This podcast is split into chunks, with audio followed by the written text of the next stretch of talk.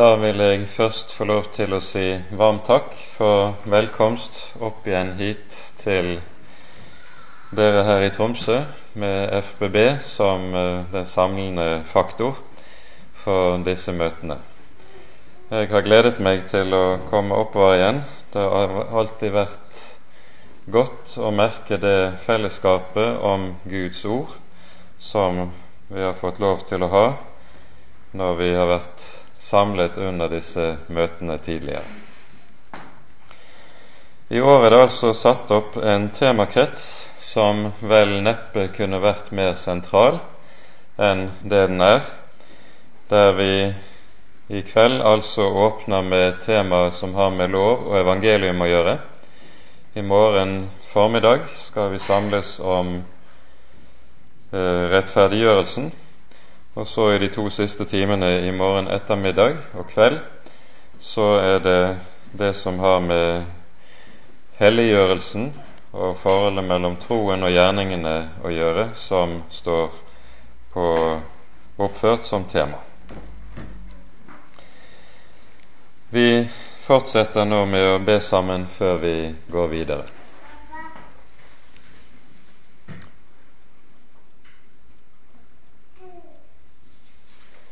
Herre, du som er den levende Gud. Til deg kommer vi. På ditt hellige navn kaller vi. Og vi ber deg, Herre, send ut din Hellige Ånd. Vær hos oss i din store nåde, at vi må få se lys i ditt lys, få lov til å eie ditt dyre evangelium og få lov til, Herre, å bevares hos din elskede Sønn inntil det evige liv. Herre, forbarm deg over oss. Det ber vi for Jesus skyld. Amen.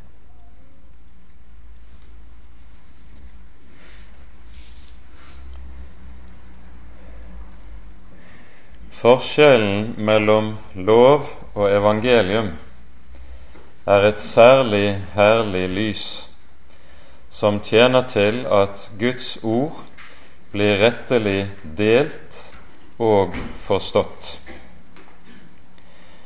Dette sitatet er hentet fra det som for mange fortoner seg som et tørt læreskrift det er fra Konkordieformelen, der vi har et eget avsnitt, en egen artikkel, nettopp om forskjellen mellom lov og evangelium.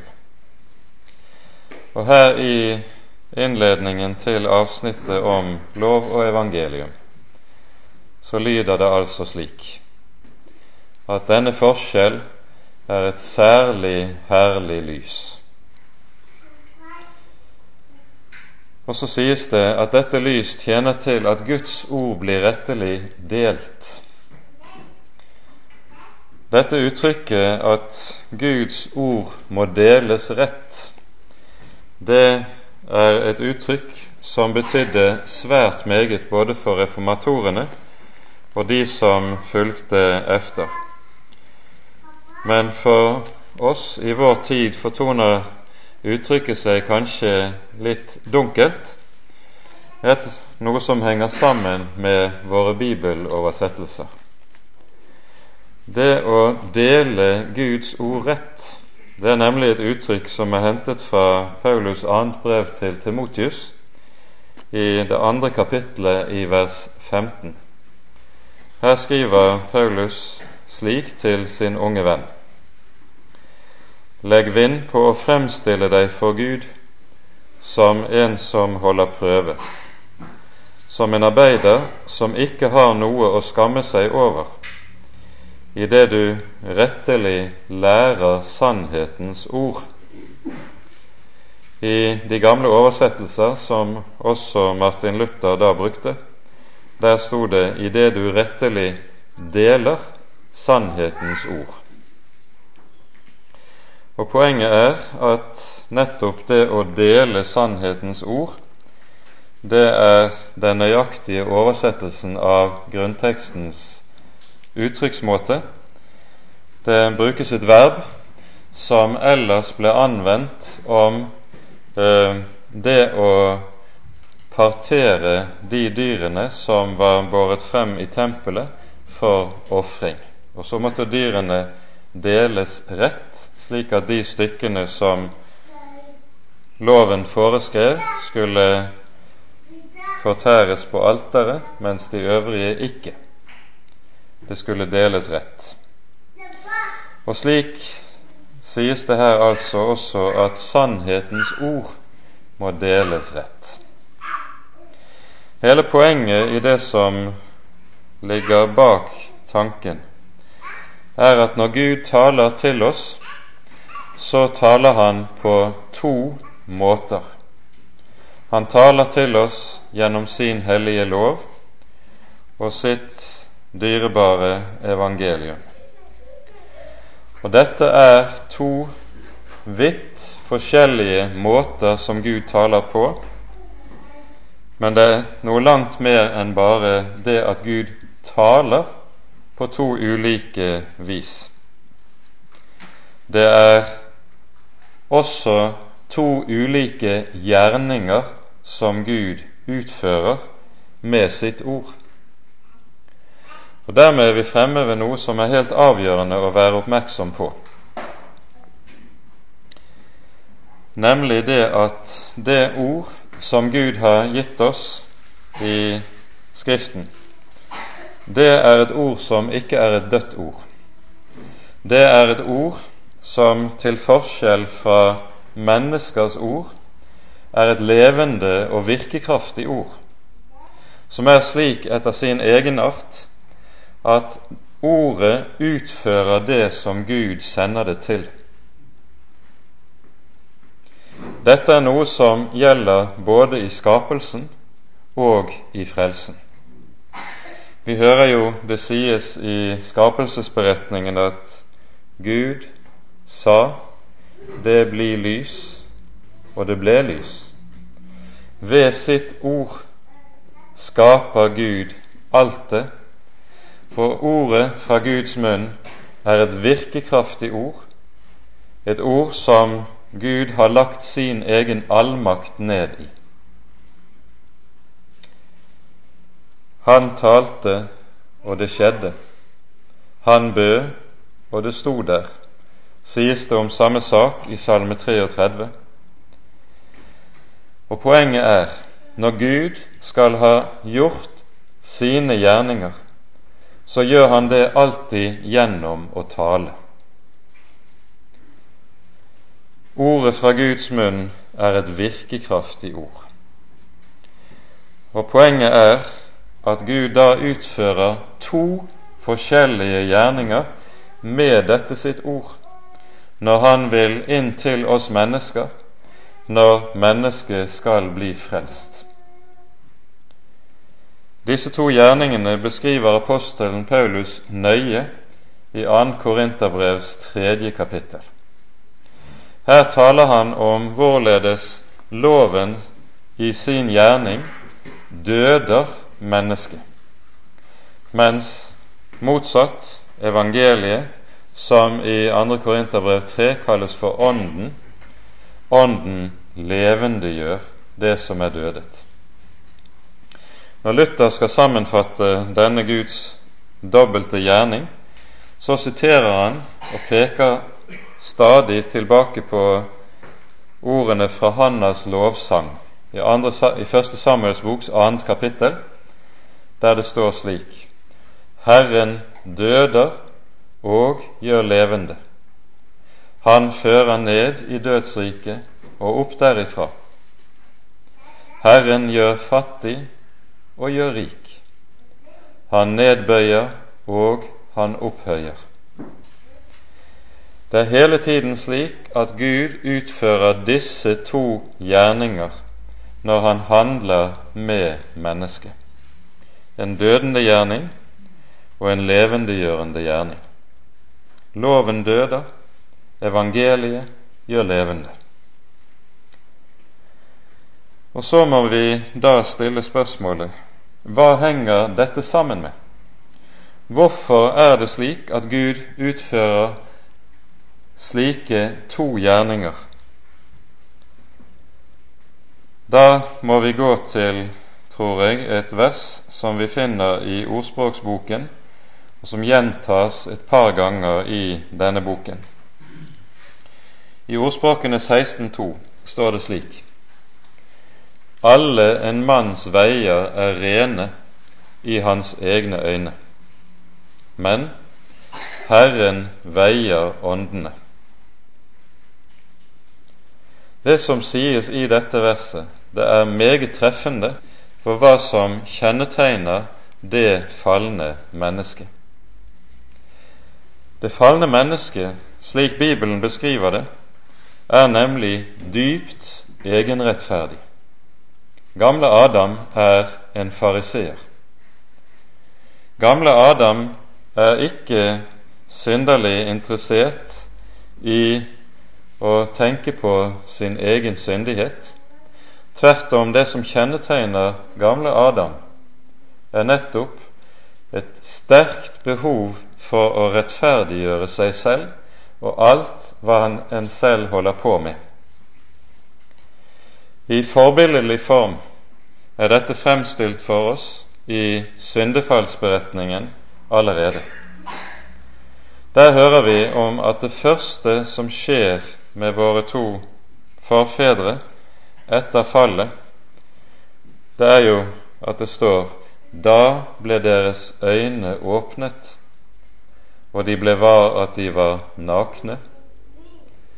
Og så bandt de fikenblad sammen om livet for å skjule sin skam.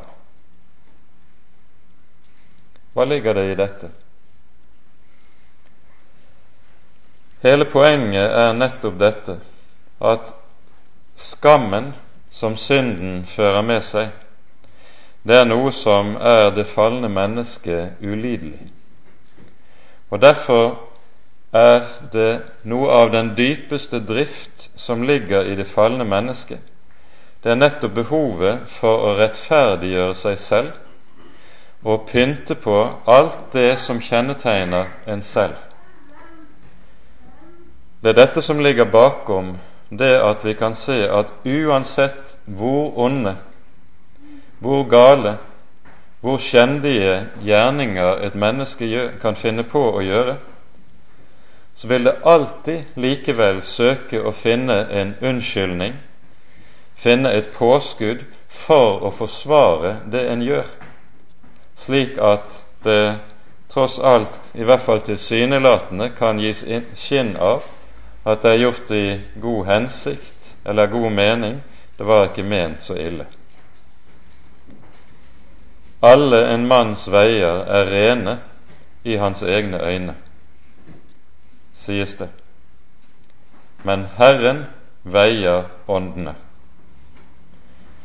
Og se det, det er til det Guds hellige lov er gitt.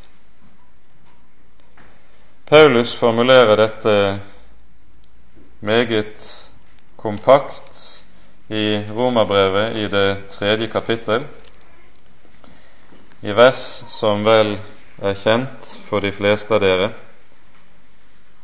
Her leser vi slik i vers 19 og 20. Vi vet at alt det loven sier, det taler den til dem som har loven, for at hver munn skal lukkes og hele verden blir skyldig for Gud. Ettersom intet kjød blir rettferdiggjort for ham ved lovgjerninger. For ved loven kommer syndens erkjennelse. Herren veier åndene. Det loven gjør når den får slippe til i et menneskes liv, det er at den plasserer meg i Guds vektskål. Og det som en da oppdager dersom en ser sant på seg selv, det er det som sies i en annen sammenheng i Skriften veiet, veiet og funnet for lett. ved loven kommer syndens erkjennelse. Loven kom til for at fallet skulle bli stort, sies det noe senere i Romerbrevet. Samme sak. Eller som Paulus skriver i slutten av 1. Korinterbrev kapittel 15. Syndens kraft er loven. Og ikke minst dette siste ordet, det vitner om hvor radikalt Paulus ble omvendt da han gikk fra å være fariseer til å bli en kristen. Hva er det som kjennetegner fariseismen som teologisk system? Kortfattet kan vi si det slik det er loviskhet. Hva er loviskhet? Loviskhet består i at en blander lov og evangelium. Og Det er noe som er viktig å være oppmerksom på i dag. Av og til kan man i våre dager høre det sies at dersom loven er blitt forkynt meget sterkt og tydelig i en sammenheng, da får denne predikanten høre at han er lovisk. Det er en stor misforståelse. Klar lovforkynnelse sier ingenting om at forkynnelsen er lovisk. Det som kjennetegner loviskheten, det er nettopp det at lov og evangelium blandes i stedet for at de skjelnes og adskilles.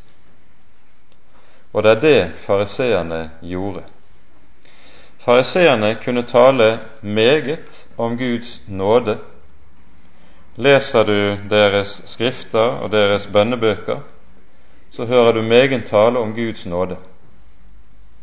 Men det tales altså også om lydigheten etter loven. For hva er det fariseerne tenker når de taler om loven? Jo, de tenker som så. Guds hellige lov, det er den gave Gud har gitt menneskeheten for å hjelpe mennesket til å bryte syndens makt og herredømme i sitt eget liv. Og Bare mennesket tar loven på alvor og ber om Guds hjelp og om Guds nåde, så vil det også lykkes for en. I tråd med dette kunne fariseerne derfor også tenke som så vi gjør vårt beste, og så tilgir Gud det vi ikke makter. Det høres jo ganske rimelig og fornuftig ut, men det stemmer ikke med Det nye testamentet. Eller de kunne si som følger Gud kan jo ikke påby noe som vi mennesker ikke er i stand til å utføre. Det vil jo være aldeles urimelig. Derfor mente de at når Gud har gitt sin hellige lov, budene i loven, så må jo det også innebære at da er vi mennesker i stand til å oppfylle den. Slik tenkte fariseeren. Slik tenker den allmennreligiøse nordmann. Slik tenker det religiøse mennesket. Men loven er altså ikke gitt for å gi oss den hjelp vi behøver for å bryte det ondes makt i våre egne liv, i våre egne hjerter. Loven er fra Guds side gitt med et ganske annet formål for øyet. Ved den skal vi veies, ved den skal vi avsløres, ved den skal mennesket dødes. Paulus sa syndens kraft er loven. Det er altså slett ikke slik som fariseerne tenkte, at loven bryter syndens makt. Det er tvert om slik at der loven begynner å komme til hos et menneske, der vokser synden i sitt herredømme. Det er også alle gjenfødte kristnes klare erfaring.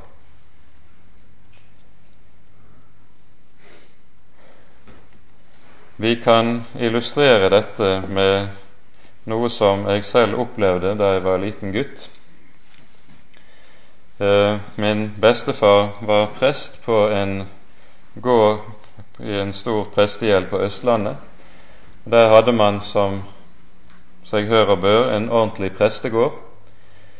Og den ble jo drevet av en forpakter, men på gården var det både kyr og hest og gris og sau og høns og det som hørte til. På regnværsdager, når vi var på besøk der om somrene, så var noe av det vi syntes var aller festligst å gjøre, det var å gå på låven og hoppe i høy. Vi klatret høyt opp, og så kunne vi hoppe ned i det myke høyet. Men så kunne det slumpe til at regnet holdt opp, og solen brøt igjennom. En låve var ikke alltid så godt bygget, og så kom der en solstråle mellom to gliper i plankeveggen. Og plutselig så du at luften var så stinn av støv at du omtrent kunne skjære i den med kniv. Var ikke støvet der før solen kom? Selvfølgelig var det det. Men vi så det ikke før lyset falt inn da ble det avslørt hva som var der. Og se her, det er det som er loven. Loven er et slikt lys som kastes inn over våre hjerter, så vi plutselig ser noe som vi aldri så før. Vi får plutselig avslørt noe som bodde der inne som vi aldri hadde drømt om.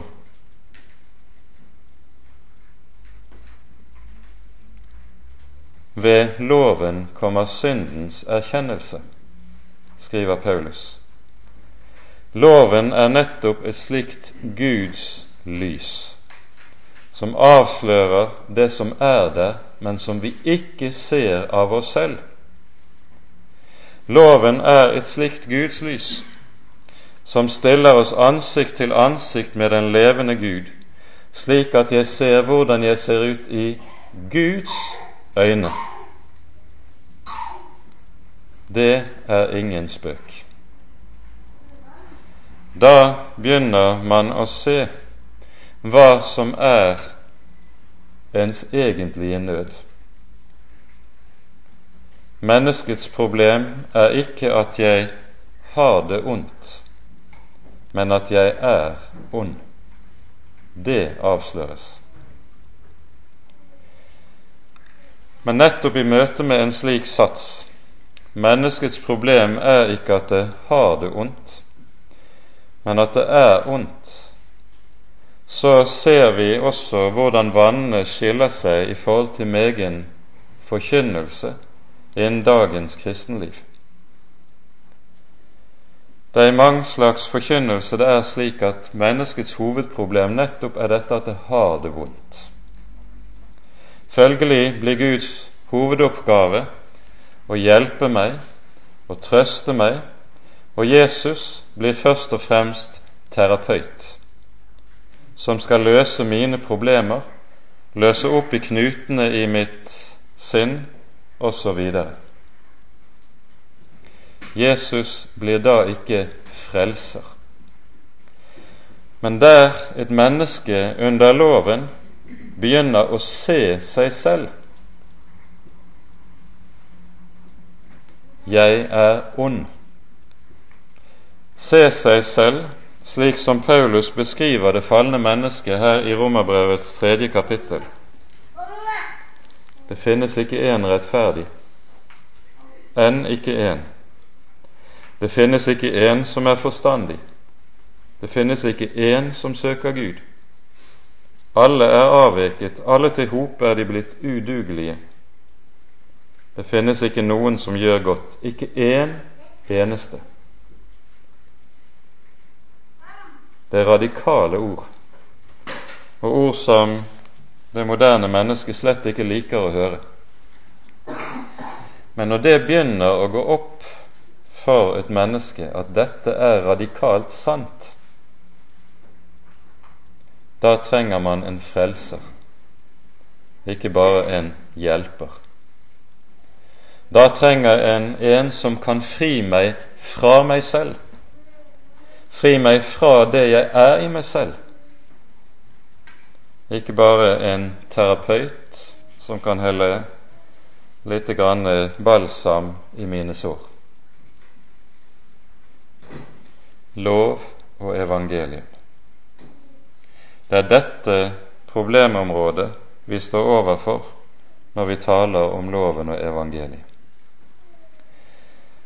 For her er jo poenget som følger at når loven kommer inn og gjør denne gjerning,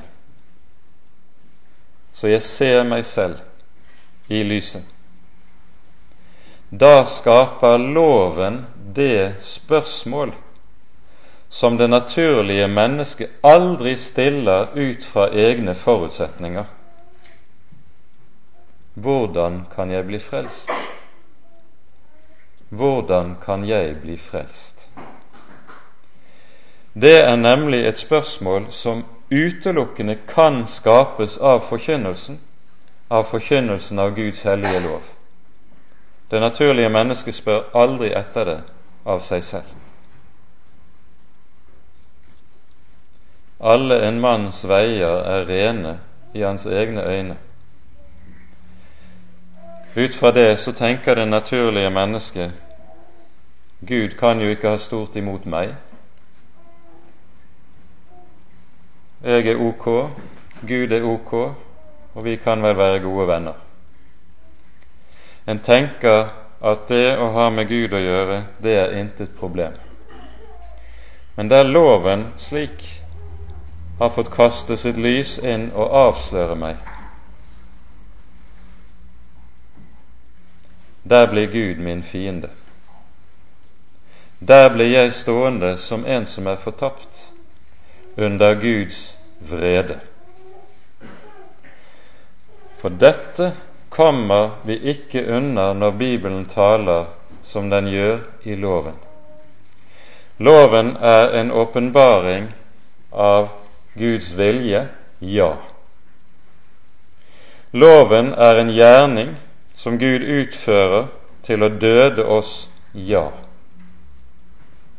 Men ikke minst Loven er også en åpenbaring av hvem Gud selv er i sin hellighet. Og Derfor, når loven kommer til meg med sin avsløring, så blir loven en anklager. Melanchthon sier loven anklager alltid. Semper lex, semper accusans. Men dermed åpenbarer loven også Guds vrede. Det som man i dag ikke vil høre om. Det som dagens mennesker mener gir oss et gudsbilde som ikke passer for det moderne mennesket, som bare har hørt til i gagne tider når man ikke visste bedre. Vi er jo mer opplyste.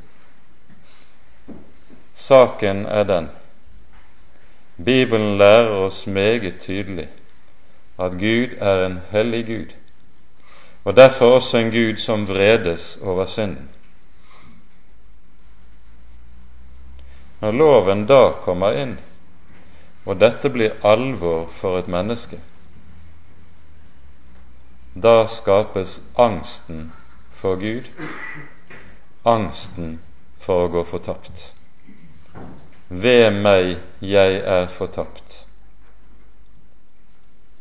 For jeg er en mann med urene leber og bor midt iblant et folk med urene leber, og mine øyne har sett Herren, Israels Gud. Slik bryter Jesaja ut når han dras inn i dette lys, den helliges lys. Da blir Gud menneskets største problem.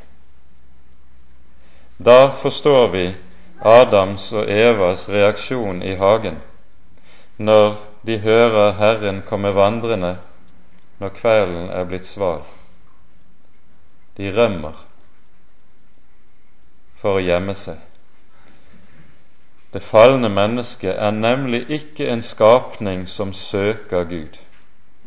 Tvert om, det falne mennesket er en skapning som er på flukt fra Gud, og som alt for alt i verden vil slippe å stilles ansikt til ansikt med ham, for da må jeg svare regnskap. Og det er så ubehagelig at det vil jeg slippe. Og så springer Adam og Eva inn i buskene. En uh, kjent forkynner sa det slik for en del år tilbake. Det falne mennesket er ikke på søken etter Gud mer enn en skolegutt som har skulket skolen, leter etter læreren. Er det noen han mest av alt vil slippe å møte, så er det nettopp ham. Derfor er det også Paulus kan skrive som han gjør, og som vi leste. Der finnes ikke én som søker Gud, ikke en eneste. Når mennesker er religiøst søkende, slik man ofte hører det i våre dager, så er det bibelsk bedømt intet annet enn at mennesket søker seg selv. Det søker selvbekreftelse. Den levende Gud vil en slippe å møte. Det er dette som kalles lovens dødende gjerning. Loven som avslører, loven som anklager, og loven som avslører en bestemt sannhet om det falne mennesket. Det finnes ikke forutsetning i meg verken til å være eller til å bli en kristen. Det finnes intet i meg som Gud kan bygge på eller gå ut ifra. Når det innses, da har jeg ikke lenger noe håp. Og det var det loven skulle gjøre. Den skulle frata meg ethvert håp som jeg måtte ha til egen innsats, til å streve med mitt eget hjerte, til å prøve å forandre på meg selv. Alt det skal loven ødelegge.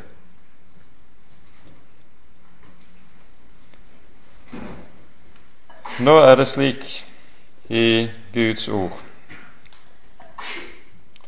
at loven den kommer også til oss med et løfte. Den sier 'dersom du gjør det, da skal du leve'. Det er et tydelig løfte.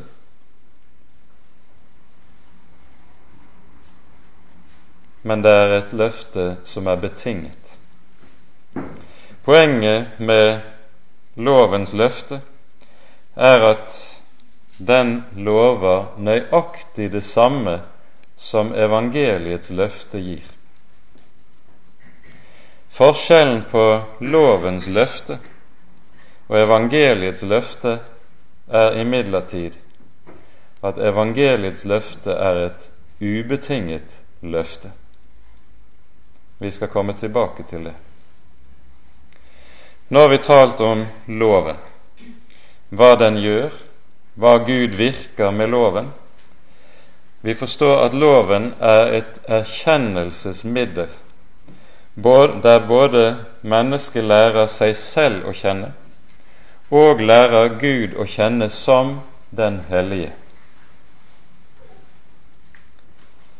Loven er kjennetegnet ved at den sier tre ting. Den sier 'du skal' eller 'du skal ikke'. Den anklager, og for det tredje den åpenbarer vreden, Guds vrede. Hva er evangeliet for et ord? Hva er det for et budskap?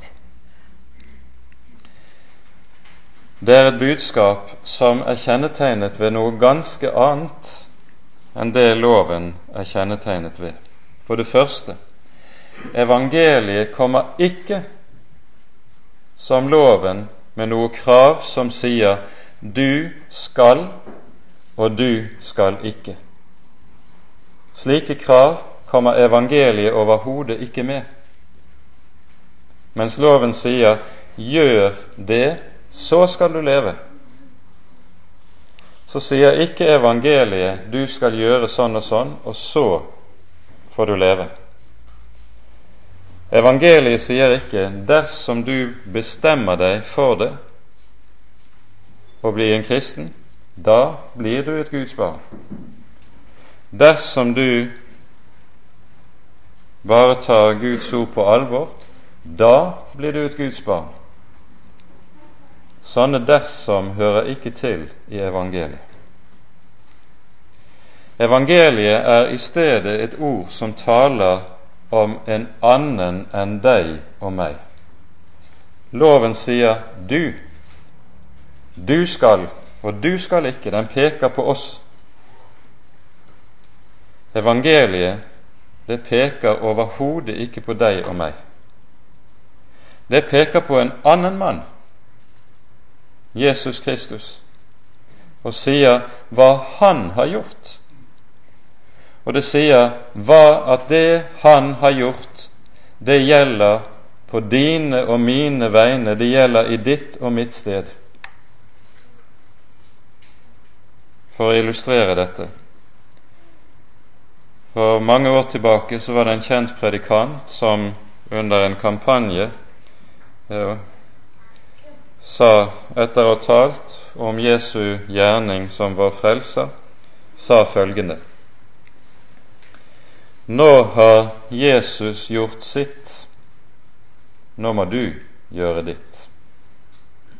Han mente at nå, når du hadde hørt om hva Jesus hadde gjort, så måtte den enkelte tilhører ta dette til seg, fatte en bestemmelse for at vedkommende kunne bli rett omvendt.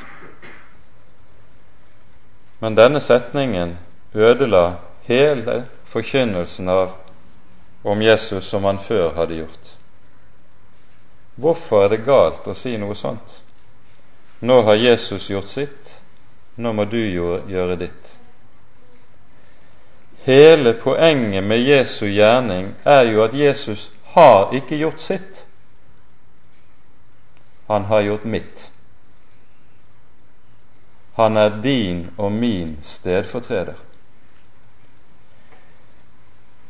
Der loven setter vilkår og betingelser og sier 'dersom du gjør slik og slik, da skal du leve', der sier evangeliet 'Jesus har gjort det og det, derfor skal du leve'.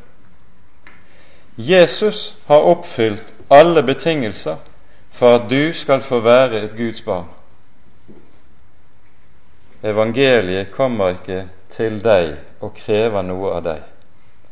Men jeg peker på Jesus og sier han har oppfylt alt som skal til for at du skal få være et Guds barn. Du skal få være et Guds barn på en annens regning. Og Dermed så ser vi det første som kjennetegner hva evangeliet er for noe. Evangeliet det er et budskap om stedfortrederen. Og merk det, det er ikke en hvilken som helst tale om Jesus som er evangelium. Man kan godt tale om Jesus som forbilde, som vi skal etterligne. Det er ikke noe evangelium. Da gjør man Jesus til en lovlærer. Evangeliet det er kjennetegnet ved at det taler om Jesus som stedfortrederen. Han som i ditt og mitt sted har gjort det du og jeg skulle gjøre, men er ute av stand til på grunn av synden i våre liv, i våre hjerter. For det annet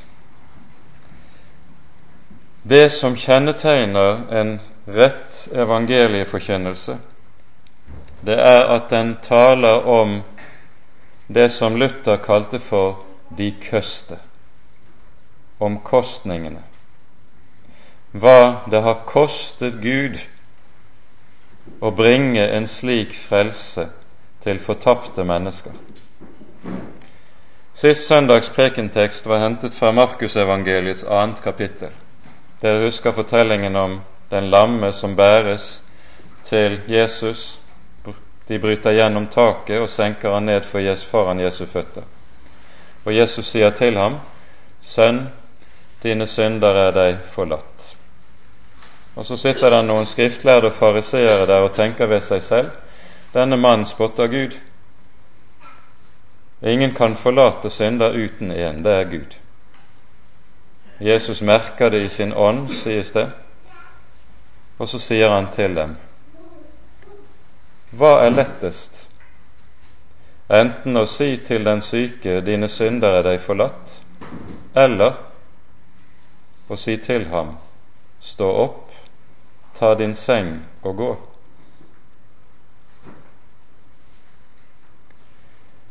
Hva er lettest?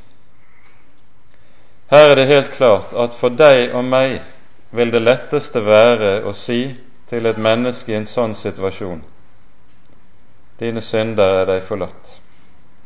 Og ingen kunne kontrollere sannhetsgehalten i våre ord. Men skulle vi våge oss til å si til den lamme som lå der, stå opp, ta din seng og gå, så ville alle ved selvsyn kunne konstatere hva våre ord var verd. For Jesus forholder saken seg stikk motsatt. For ham å si til den syke, stå opp, ta din seng og gå, det er noe som ikke koster ham det aller ringeste. Det er jo han ved hvem himmel og jord ble skapt. Han talte, og det skjedde. Han bød, og det sto der. Det koster ikke Jesus det aller minste å reise en død opp med ett ord, gi den blinde syn med et pust fra sin munn. Det koster ham det aller minste.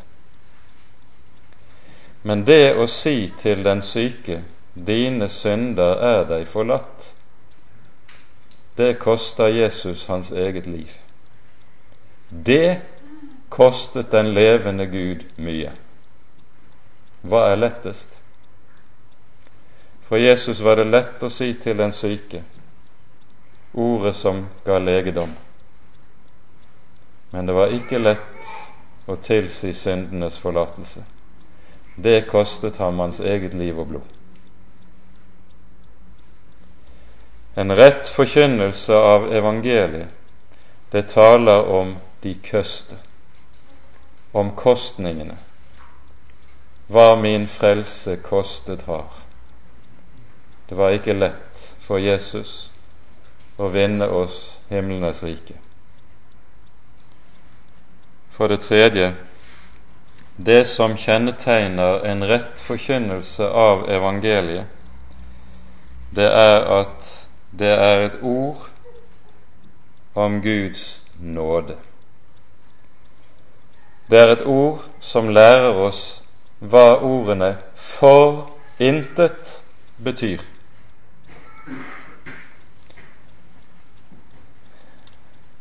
I Romerbrevets tredje kapittel så leser vi slik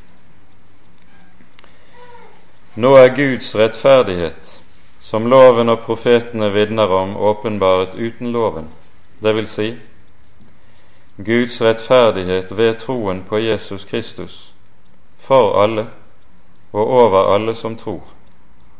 For det er ingen forskjell. Alle har syndet og står uten ære for Gud, og de blir rettferdiggjort uforskyldt av Hans nåde ved forløsningen i Kristus Jesus. For intet. Det er evangeliet etter sitt innhold. Dette som kostet Guds sønn alt, i ordets mest bokstavelige forstand, det koster deg og meg intet. Ingenting. Du får det uten å skulle oppfylle et eneste vilkår, uten å skulle behøve å ha noe som helst å vise til.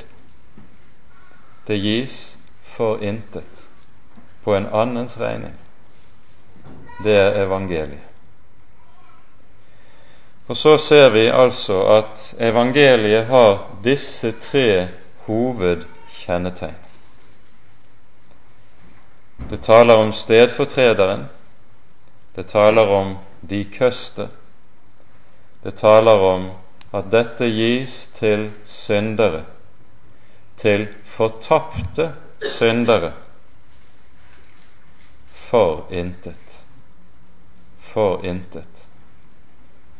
Disse tre kjennetegn er avgjørende for sann evangelieforkynnelse. Og det er ved denne forkynnelse at Gud gjør levende. Loven døder, evangeliet gjør levende. Det gir liv i Gud. Det skaper det nye livet. Det gjenføder et menneske for Gud. Tenk bare på beretningen om Jesus' samtale med Nikodemus. Det er her Jesus taler om gjenfødelsens nødvendighet, fordi et menneske ikke blir frelst slik som fariseeren Nikodemus tenkte det, gjennom å streve med å forandre seg selv. Det som er født av kjødet, er kjød. Det som er født av Ånden, er ånd. Og Så må Nikodemus melde pass og si hvordan kan dette gå til? Og hva gjør Jesus da? Han sier ikke Han gir ikke Nikodemus en oppskrift på hva han nå skal gjøre for å bli født på ny. I stedet sier han like som Moses opphøyet slangen i ørkenen. Således skal menneskesønnen opphøyes, for at hver den som tror på ham, skal ha evig liv. Altså, det Jesus taler om og peker på, det er ikke hva Nikodemus skal gjøre for å bli et Guds barn og for å bli født på ny, men hva Gud gjør.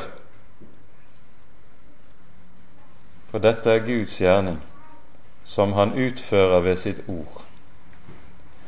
Gjennom ordet og åpenbare Jesus, Guds sønn, skapes der liv av døde i fortapte syndere. Vi begynte med ordene fra 1. Samuel 2. Herren døder og gjør levende. Det som er poenget med dette vi nå har talt om, de to Guds gjerninger som utføres henholdsvis med lov og evangelium, det er at disse to gjerninger må skjelnes mellom, men de må ikke adskilles. For disse to gjerninger må alltid stå der sammen. Det er den som Herren får gjøre for døde, som han også får gjøre levende. Han gjør ikke halvdøde levende igjen, men han gjør døde levende. Det å bli et Guds barn, det er bokstavelig talt å få liv av døde. Det er jo et uttrykk som Paulus bruker gjentatte ganger i sine brev. Og om vi skal hente et bilde fra evangeliene for å anskueliggjøre dette, så er det kanskje aller ty tydeligst for oss når vi hører om oppvekkelsen av Lasarus fra de døde. Han har ligget fire dager i graven, han stinker allerede. Og så kommer Jesus, står utenfor graven og roper inn Lasarus, kom ut. Og så blir det liv i de døde ben. Det er et sånt ord evangeliet er. Det er et ord der Jesus roper inn i min død. Kom ut. Og så skaper han liv av døde. Det kan intet annet enn evangeliet gjøre. Ordet om Guds sønn som ga seg selv i synderes sted. Ære være Faderen og Sønnen og Den hellige ånd, som var og er og være skal en sann Gud, høylovet i evighet. Amen.